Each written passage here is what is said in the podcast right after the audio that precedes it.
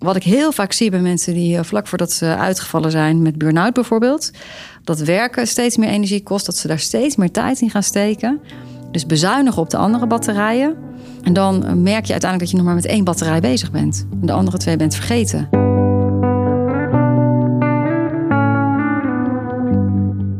Werkstress. Het is toch maar een raar fenomeen. Het zorgt ervoor dat je langzaam opbrandt. De spanning wordt te groot, je lichaam sputtert tegen en het werk wordt te zwaar.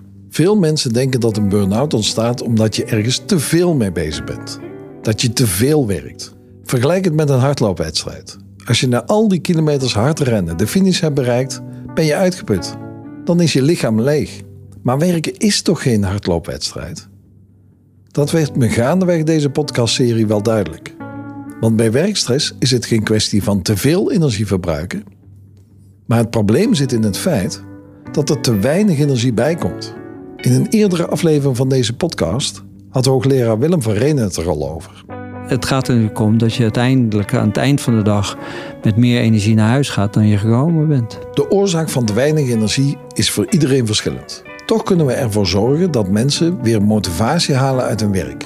Dat ze hun innerlijke batterij weer kunnen opladen. Innerlijke batterij hoor ik je zeggen? Ja, luister maar mee. In deze podcastserie Werkstress de Baas gaan we op zoek naar oplossingen en handvatten om stress tegen te gaan. Niet alleen bij jezelf, maar vooral ook bij collega's en medewerkers. Mijn naam is Jan van der Hogen. Ik ben strategisch arbeid- en organisatieadviseur bij ArboUnie. In elke aflevering van deze vijfdelige serie praat ik met experts uit het veld. Van een psycholoog tot een vertrouwenspersoon en een bedrijfsarts. We kennen allemaal wel iemand die naar een van deze experts gaat. Maar wat wordt er nu besproken? Wat maken zij mee? Met andere woorden, een kijkje in de keuken. In deze aflevering ontvang ik Suzanne van der Heijden, arbeidspsycholoog bij BeLife. Een organisatie die advies geeft op het gebied van interventie en gezondheidsmanagement. Suzanne weet alles over het opladen van je innerlijke batterij. Maar voor we daar dieper op ingaan, wat is eigenlijk een innerlijke batterij? Ja, je batterij opladen betekent eigenlijk van hoe, hoe zit je eigenlijk met je energie? Eigenlijk uh, uh, zijn wij net als onze mobiele telefoon. we hebben uh, soms, ja, je kan een hele mooie mobiele telefoon hebben met alle nieuwe gadgets erop. Maar op het moment dat die te telefoon geen energie heeft, dan kun je helemaal niks met die telefoon. En dat geldt voor ons eigenlijk ook. We hebben allemaal onze talenten en onze vaardigheden en onze goede kanten. Maar op het moment dat we geen energie hebben, moe zijn, uitgeteld zijn, kunnen we daar eigenlijk helemaal niet zo goed gebruik van maken.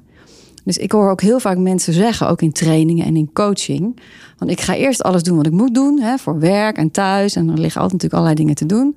En als ik nog tijd over heb, dan laat ik wel weer even op ergens tussendoor. Maar in feite is dat omgekeerde volgorde. Want zonder die energie kan je al die dingen die je doet helemaal niet goed doen. Nu is het natuurlijk zo dat een batterij van een telefoon op één en dezelfde manier wordt opgeladen. Oplader in een stopcontact en gaan. Maar wij mensen zijn geen apparaat of robots. Iedereen laat zijn eigen batterij op haar manier op. Maar ja, het probleem is dus dat we regelmatig vergeten om dat te doen. Sterker nog, er zijn genoeg mensen die niet meer weten waar de batterij zit. Suzanne helpt ze daarom op weg met een paar simpele vragen. En dan beginnen we eigenlijk heel erg bazaal met van waar krijg je energie van en wat kost je energie. Heel vaak is het wel leuk om te merken, beginnen mensen dan met werk, over hmm. werk te praten. Terwijl er natuurlijk nog veel meer is dan werk alleen. We hebben ook allemaal te maken met de thuissituatie en, ook nog met jezelf. Dus, uh, en dan ga je inventariseren van oké, als je dan zicht hebt op waar krijg je energie van en wat kost je energie. Uh, nou, hoe, hoeveel tijd besteed je daar dan ook aan? Nou, dan zie je heel vaak natuurlijk dat mensen heel veel tijd besteden aan de dingen die energie kosten. Dat zijn ook vaak de dingen die moeten. En uh, veel ja, eerder bezuinigen op de dingen die energie opleveren. En op het moment dat je alleen al die mindset kan maken van de dingen die energie opleveren, zijn minstens zo nuttig als de dingen die moeten en energie kosten. Dan heb je al eigenlijk een start van een heel ander uh, uitgangspunt. Wat levert energie op? En wat kost je energie? Het klinkt zo simpel, een open deur bijna, maar toch vergeten we het. Laatst had Suzanne iemand in de training die de hele dag van moeten naar moeten ging kort geleden. Uh, een vrouw gaf aan, dan kom ik thuis na een hele dag werken. En dan komen mijn twee kleine kinderen op me afgerend. En dan denk ik, oh ja, daar moet ik ook nog wat mee. En dan hoor je zo'n hele groep ook zeggen, oh, hè, want dat zeg je toch niet over je kinderen. Ja, vindt ze haar kinderen niet leuk? Nee, natuurlijk wel. Die vindt ze hartstikke leuk. Maar ze heeft geen energie meer als ze thuis komt. Ja, om iets met die kinderen te doen. Het leuke is wel, die kinderen zijn dus heel erg blij dat ze haar zien. Dus dat is natuurlijk heel fijn, hè? dat je kinderen blij zijn als je thuis komt. Dat verandert natuurlijk nog wel als ze wat ouder worden dan als ze zo klein zijn. Maar uiteindelijk uh, merk je ook dat zij eigenlijk voor dat belangrijke deel van haar leven geen energie meer heeft.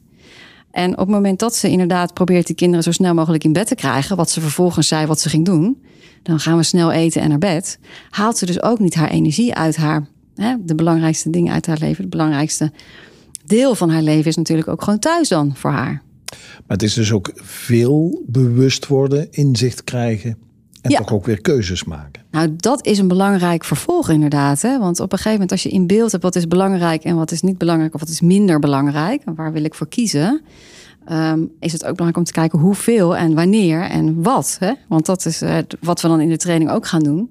Niet alleen maar het inzicht, maar ook hoe verdeel je dan je tijd. Ja. Kijk eens naar een dag, kijk eens naar een week en uh, maak eens een, uh, een, een inventarisatie. Het gaat dus in essentie om keuzes maken. Waar liggen prioriteiten? En hoe bouw je momenten in waar je je kunt opladen? Maar hebben mensen dat überhaupt wel door? Eigenlijk heel vaak zie ik wel dat mensen doorhebben wat ze belangrijk vinden. Maar als je kijkt naar hoe de tijd verdeeld is, is dat toch meer, uh, ja, meer tijd besteden aan anderen dan aan hunzelf. Soms zie je ook wel eens dat mensen opeens zeggen: hé, hey, mijn hele partner staat niet in mijn uh, weekverdeling van tijd. Heb je nog geen partner? Wel, die heb ik wel. Maar blijkbaar uh, ja, niet zo bewust. Beetje jammer voor de partner. Beetje jammer voor de partner, ja. Dus die ga je er nog ergens tussen proppen. Wat wel leuk is, is dat je dan uiteindelijk ook weer keuzes moet maken. Want wij werken dan met zo'n taartvorm. Hè? Dus uh, als je het ene weghaalt, dan, als je iets erbij wil stoppen, moet je ergens anders iets afhalen. Nou, en dan heb je meteen het keuze maken ook. Het kan er niet bij, want een dag heeft 24 uur. Dus je moet dan gewoon in die uren gaan skippen. Nou, waar bezuinigen mensen dan heel vaak op? Dat zie ik heel vaak in trainingen. Op slaap bijvoorbeeld. Want dat ziet er toch wel uit als een heel groot onderdeel wat je, waar je wel wat van af kan halen. Nou, dan heb je meteen een leuk onderwerp. Want ja, slaap is natuurlijk onze primaire batterij. Hè? Onze, onze belangrijkste. Is, is slaap heel belangrijk voor je? Ja, slaap is onze uh, eerste levensbehoefte. We kunnen langer zonder eten en drinken dan zonder slaap. Uh, 36 uur kunnen we zonder slaap. En dan vallen we hoe dan ook in slaap. Ja, precies. Ja, dus dat is wel belangrijk. Alleen het is ook de, onze batterij waar we het meest op bezuinigen.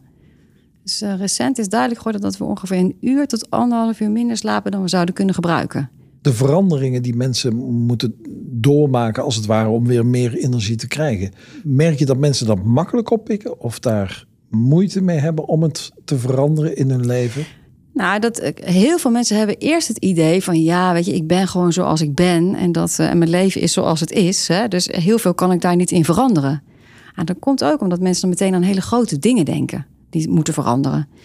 Van een andere baan of ergens anders wonen. Hè, meteen hele grote veranderingen. Terwijl je het ook al kan vinden natuurlijk in de manier waarop je de dingen doet. Sommige mensen die beginnen al heel onrustig omdat ze op het allerlaatste moment opstaan bijvoorbeeld. En dan heel gehaast en gejaagd alles moeten doen. En daarmee uh, dingen vergeten, al achter zichzelf aanlopen. Dus sommige mensen hebben al baat bij een kwartier eerder opstaan. Zodat je gewoon je ochtenddingen rustig kan doen. Ja. ja, dat is natuurlijk niet een hele grote verandering. Maar als je daarmee al je batterij ja, goed opgeladen hebt voordat je start aan de dingen, heb je toch al heel veel winst. Het zijn dus vaak de kleine veranderingen die het verschil kunnen maken. Kies iets wat je echt leuk vindt. Iets waarbij je het woord moeten niet hoeft te gebruiken. Met de kanttekening daarbij dat het niet eenmalig is. Je moet het echt belangrijk maken in je leven en terug laten komen. Van één keer sporten is er nooit iemand fit geworden. Ik zei het al, kies iets wat je leuk vindt.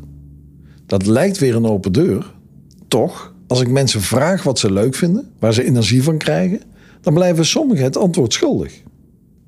Misschien denk je op dat moment dat je naar mij luistert, ook wel, oh ja, die energiebronnen.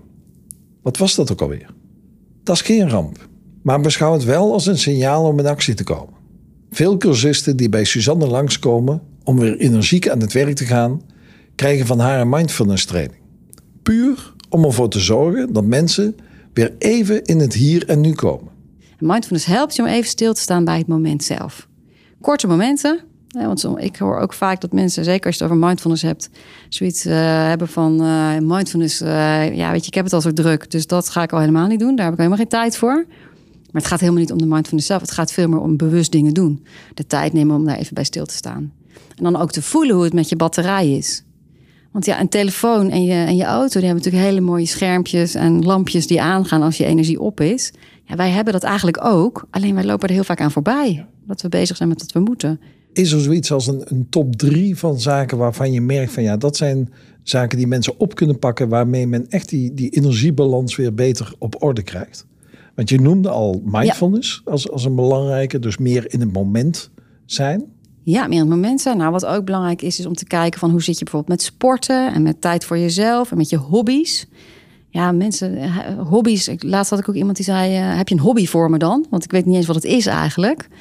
Ja, hè, dat zijn wel dingen. Daarover nadenken. Wat deed ik ook alweer vroeger? En waar werd ik ook weer blij van? En of wat doe ik met mijn kinderen? Dat merk ik ook wel heel vaak. Dat mensen dan zeggen: Ik zit eh, met mijn kinderen weer te legoen. Ja, kun je dat nou als hobby, als een volwassen iemand gaan neerzetten? Ja. op het moment dat je er weer energie van krijgt, waarom niet? Ja. Dus dat soort dingen, dingen die je echt voor jezelf doet. Wat ik pas iemand hoorde vertellen, en ik weet niet of je daarop zou kunnen reageren. Die zei van, nou, ik zou wel weer eens een keer een boek willen kunnen lezen. Die dus bij zichzelf merkte dat hij niet de rust had om rustig een boek te kunnen lezen.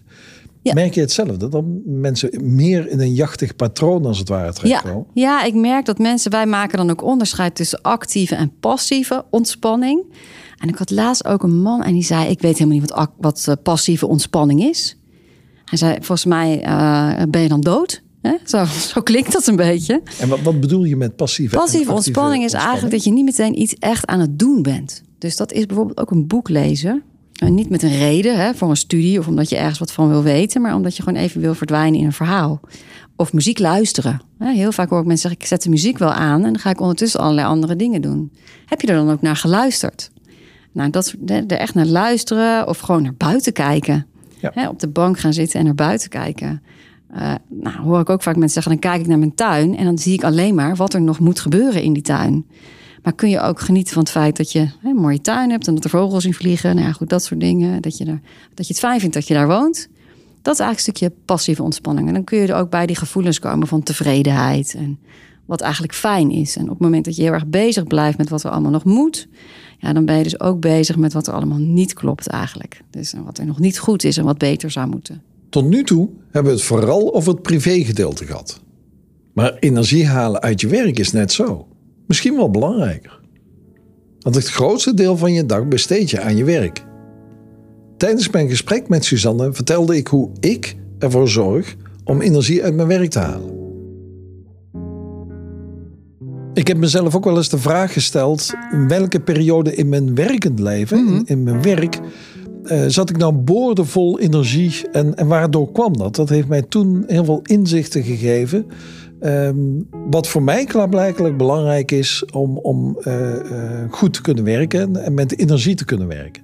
Ja. En dat is voor mij met name de collega's waarmee ik werk uh, dagen die mij uit om echt het beste uit mezelf te halen. Om te gaan en om, om uh, energie ook te geven. Kun je iets meer vertellen van wat mensen kunnen doen op het werkgebied? Om weer energie op te pakken en, en te kunnen gebruiken. Ja, nou, dat is een hele mooie hè? om mensen terug te laten gaan. Zeker als mensen op dit moment niet helemaal lekker in hun vel zitten. Nou, ten aanzien van hun werk.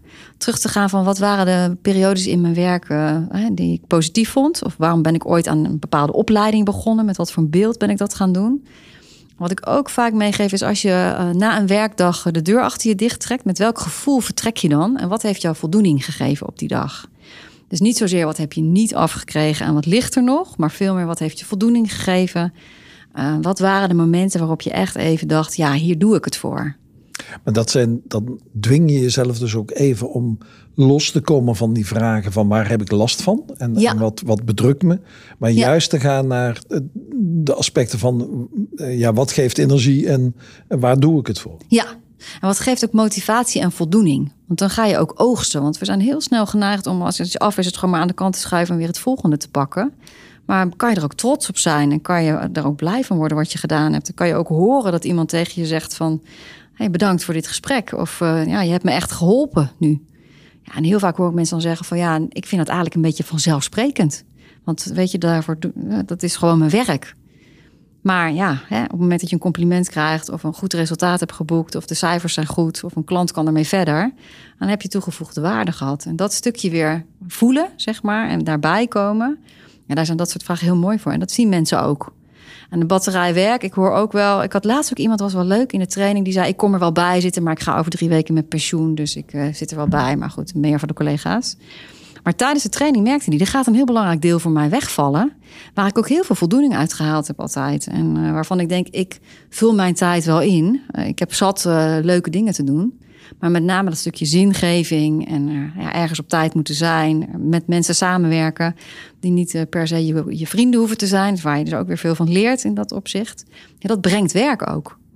Ik heb, ik heb het pas ook gelezen in een onderzoek van Burdoff dat hij uh, uh, heeft aangetoond dat mensen die werken ten opzichte van mensen die niet werken ook gewoon meer groeien in geluk, meer groeien in, in, in plezier ervaren en zelfs ja. gezondheid daardoor beïnvloed wordt. Ja. Ja, werk zorgt er gewoon voor dat je een ritme hebt, dat je regelmaten hebt, dat je op bepaalde momenten eet en bepaalde momenten slaapt. Want dat heb je gewoon nodig voor je werk. En dat, uh, dat helpt dus ook om gezond en fit te blijven. En dat je ook ervaringen opdoet, dingen ja. leert, uh, positieve uh, dingen terugkrijgt. Goed. Nog een voorbeeld uit de praktijk van Suzanne. Recentelijk hielp ze iemand die door een andere invulling van zijn functie vastzat in zijn werk. Het plezier was weg, de energie was op.